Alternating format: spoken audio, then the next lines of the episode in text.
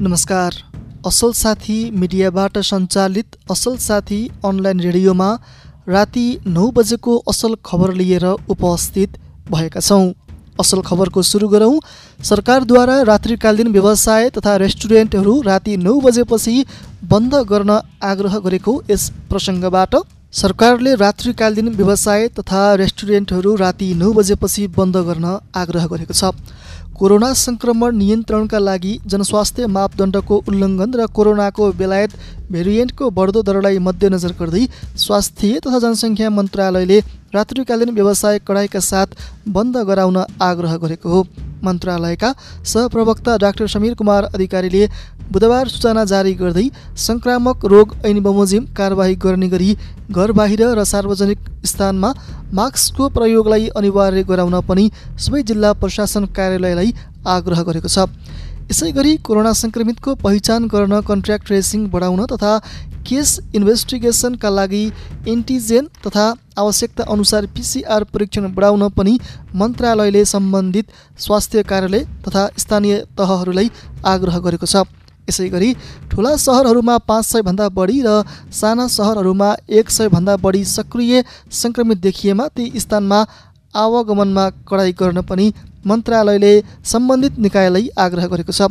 विदेशबाट आउने विभिन्न टोली वा भ्रमण दलका सदस्यहरूको सङ्ख्या तथा क्वारेन्टाइनका नियममा पनि कडाइ गर्न मन्त्रालयको आग्रह छ।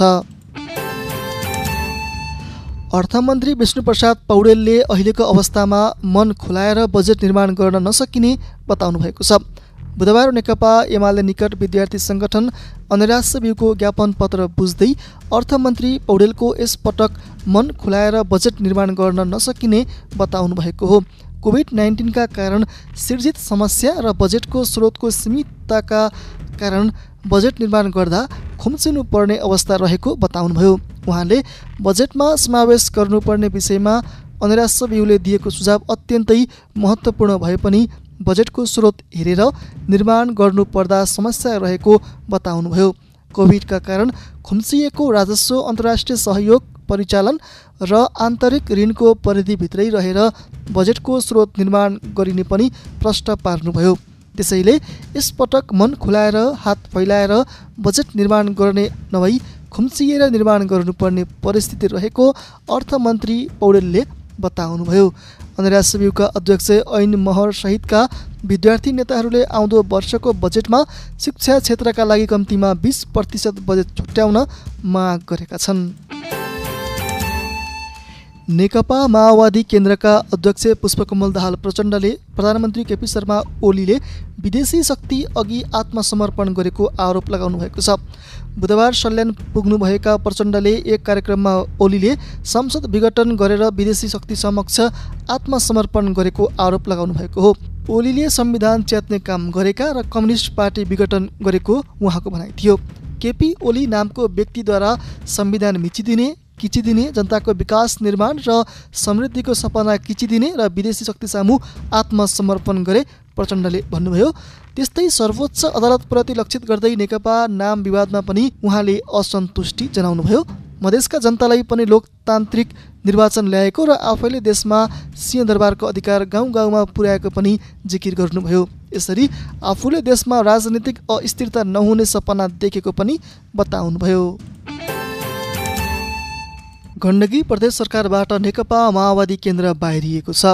माओवादी केन्द्रबाट मन्त्री बनेका आन्तरिक मामिला तथा कानुन मन्त्री हरिबहादुर चुमान र कानुन मन्त्री लेखबहादुर थापाले मुख्यमन्त्री पृथ्वी सुब्बा गुरुङ समक्ष राजीनामा बुझाएका छन्। दुवै मन्त्रीले केन्द्रको निर्णय अनुसार राजीनामा बुझाएको प्रतिक्रिया दिएका छन्। राजीनामा दिए पनि प्रदेश सरकारसँग राम्रो सम्बन्ध रहेको र आउँदा दिनमा सहकार्य हुन सक्ने मन्त्री चुमानले बताउनुभयो। मुख्यमन्त्री गुरुङले दुईजना मन्त्रीले राम्रो काम गरेको र सहकार्यको चाहना हुँदाहुँदै पनि केन्द्रको निर्णयका कारण अलग हुनुपर्दा दुःख लागेको बताउनुभयो। माओवादी केन्द्र बाहिरिए पनि गण्डकीमा एमालेको सरकार बहुमतमै रहेको छ। साठी प्रदेश सांसदमध्ये गण्डकीमा एमालेका अठाइस सांसद रहेका छन्। राष्ट्रिय जनमोर्चाका तिनजना सांसदले पनि एमालेलाई नै साथ दिएकाले पृथ्वी सुब्बा गुरुङ नेतृत्वको सरकार बहुमतमै रहेको छ। यसअघि मङ्गलबार हिजो कर्णालीमा पनि एमाले मन्त्रीहरूले सामूहिक राजीनामा दिएका थिए। कर्णालीमा माओवादीको सरकार अल्पमतमा परेको छ। पछिल्लो समय प्रक्रिया नै पुरा नगरी योजनाहरू शुभारम्भ हुने क्रम बढेको भन्दै विज्ञहरू असन्तुष्ट बनेका छन्। केही दिन अगाडि मात्र प्रधानमन्त्री केपी शर्मा ओलीले वातावरणीय र डिपिआर अध्ययन नै नगरी देशभरका एक सय पैँसठी सडक पूर्वाधारको शुभारम्भ गर्नुभएको थियो। अरू पूर्वाधारको पनि यसरी नै शुभारम्भ हुने प्रवृत्ति केही वर्ष यता बढ्दै गएको भन्दै पूर्वाधार विज्ञ डाक्टर सूर्यराज आचार्यले असन्तुष्टि जनाउनु भएको छ। उहाँले यस्ता प्रवृत्ति मौलाउनु घातक भएको टिप्पणी गर्नुभयो। सस्तो लोकप्रियताको लागि गरिने उद्घाटन र शिलान्यासले आयोजना पुरा नहुने र भएका पनि गुणस्तरीय नहुने जोखिम बढ्ने डाक्टर आचार्यको भनाइ छ। सडक लगायतका पूर्वाधार निर्माण गर्दा सम्बन्धित निकायहरूबीच समन्वय हुन पनि उत्तिकै आवश्यक रहेको उहाँले बताउनुभयो। हतार गरेर राजनीतिक अभिष्टका लागि योजना तर्जुमा गर्ने प्रवृत्ति मौलाउनु दुःखद भएको उहाँको भनाइ छ। स्वदेशी लगानीमा निर्माणाधीन चार सय छप्पन्न मेगावाटको माथिल्लो तामाकोशी जलविद्युत आयोजनाको अन्तिम चरणका काम धमाधम भइरहेको छ। बाँध सुरुङ प्रसारण लाइन सब स्टेसन लगायतका संरचनाका सिभिल र मेकानिकलतर्फका काम भइरहेको छ। माथिल्लो ठाडो सुरुङ र तल्लो ठाडो सुरुङको बिच भागमा राखिएको पेन स्टक पाइप जडानको अन्तिम चरणको काम भइरहेको हो। पाइपको जोइन्टमा वेल्डिङ र पेन्टिङको काम आउँदो वैशाख छ भित्रमा सम्पन्न गर्ने लट दुई हाइड्रो मेकानिकल ठेकेदार कम्पनीले प्रतिबद्धता जनाएको छ। अहिले हाइड्रो मेकानिकलतर्फका केही गेट र पेन स्टक पाइपसँग सम्बन्धित केही कङ्क्रिटको काम मात्रै बाँकी छ। बाँकी रहेका काम सम्पन्न गरी आउँदो वैशाखको दोस्रो हप्तादेखि पेन स्टक र मुख्य सुरुङमा पानी हाली पेन स्टक मुख्य सुरुङ सर्ज स्याफ्ट सर्च सुरुङ पेन स्टक पाइप जस्ता संवेदनशील संरचनाहरू तथा गेट म्यानहोल र भल्भहरूको प्राविधिक परीक्षण गर्ने लक्ष्य तय गरी काम भइरहेको छ। पछिल्लो चौबिस घन्टामा नेपालमा तिन सय उन्चालिसजनामा कोरोना भाइरसको सङ्क्रमण पुष्टि भएको छ। चार हजार एक सयजनाको पिसिआर परीक्षण गर्दा दुई सय अन्ठानब्बेजना र एक हजार चालिसजनाको एन्टिजेन परीक्षण गर्दा एकचालिसजनामा सङ्क्रमण पुष्टि भएको स्वास्थ्य तथा जनसङ्ख्या मन्त्रालयले जनाएको छ। सङ्क्रमण पुष्टि भएका मध्ये भक्तपुरका पाँच ललितपुरका छब्बिस र काठमाडौँका एक सय बत्तिस गरी उपत्यकाका एक सय त्रिसठीजना रहेका छन्। पछिल्लो चौबिस चौरात्तरजना सङ्क्रमण मुक्त भएका छन्। अहिले देशभर दुई हजार दुई सय एकजना सक्रिय सङ्क्रमित रहेका छन्। यस्तै पछिल्लो चौबिस घन्टामा कोरोनाबाट दुईजनाले ज्यान गुमाएसँगै मृतकको सङ्ख्या तिन हजार अडतिस पुगेको मन्त्रालयले जनाएको छ। राज संस्था र हिन्दू राष्ट्रको माग गर्दै वैशाख एघार गते माइती घर मण्डलामा दुई हजार सडचालिस सालको संविधान पुनर्स्थापना महाअभियानका अभियन्ताले विरोध प्रदर्शन गर्ने बताएका छन्। आज रिपोर्टर्स क्लब नेपालमा पत्रकार सम्मेलन आयोजना गरी यसका अभियन्ताले प्रदर्शन गर्ने घोषणा गरेका हुन्। अभियन्ताहरूले दुई हजार बहत्तर सालको संविधान खारिज गर्न र दुई हजार सडचालिसको संविधानलाई पुनर्स्थापना गर्न माग समेत गरे। अभियानका प्रमुख संयोजक किशोरी महतोले अहिलेसम्म सातवटा संविधान बनिसकेको भन्दै अब आठौँ संविधानको परिकल्पना गर्न नहुने बताए।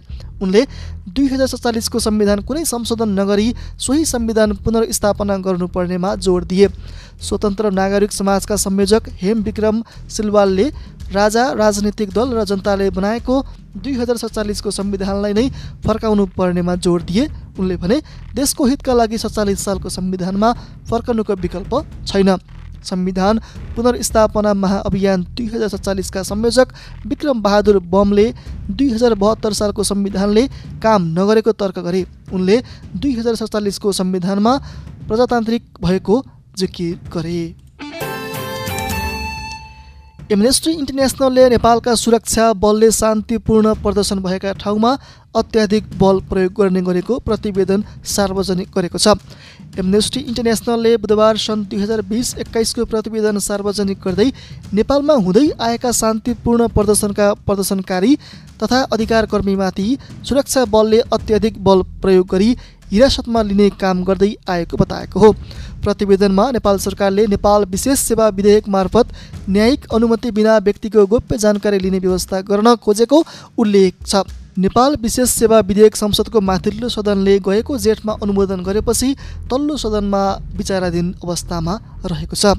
सूचना तथा सञ्चार मन्त्रालयले पर्याप्त कानुनी सुरक्षा बिना नै अधिकारहरूलाई व्यक्ति तथा संस्थामाथि निगरानी गर्ने सूचना सङ्कलन र अभिलेख गर्ने गरी फराकिलो अधिकार दिने प्रावधान सहितको दूरसञ्चार सम्बन्धी विधेयक मस्यौदा तयार पारेको विषय पनि प्रतिवेदनमा उल्लेख गरिएको छ।